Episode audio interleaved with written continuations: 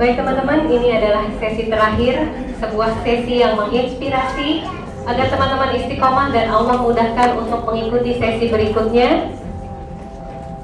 Ini adalah inspiration of the day. Bismillahirrahmanirrahim. Setiap kita ini pernah berada di dalam kegelapan masalah. Inilah yang pernah menjadi pengalaman paling buruk dialami oleh Nabi Yunus alaihissalam.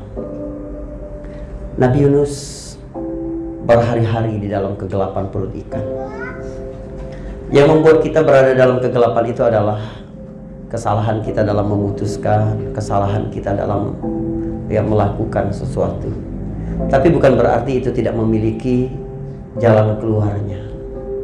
Apa jalan keluar yang paling kuat ketika kita berada di dalam kegelapan masalah. Jalan keluarnya adalah tauhid, la ilaha illallah. Nabi Yunus harus memperbarui tauhidnya kepada Allah. Baru Allah keluarkan dia dari kegelapan perut ikan itu. Doa Nabi Yunus yang paling terkenal adalah La ilaha illa anta Subhanaka inni kuntu minal zalimin Sebelum bertaubat Nabi Yunus memperbarui tauhidnya lagi lah. Karena jalan dari jalan keluar dari seluruh kesempitan dalam kehidupan ini adalah kita kembali meneguhkan Allah di atas apa pun dalam kehidupan kita.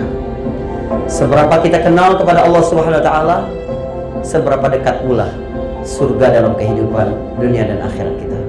Semoga pertemuan pada hari ini bermanfaat. Allah beri kita keistiqomahan untuk terus upgrade ilmu kita dekat kepada Allah Subhanahu wa taala dan lebih mengenal kepadanya serta bermanfaat untuk kehidupan kita semua. Billahi taufiq wal hidayah. Assalamualaikum warahmatullahi wabarakatuh.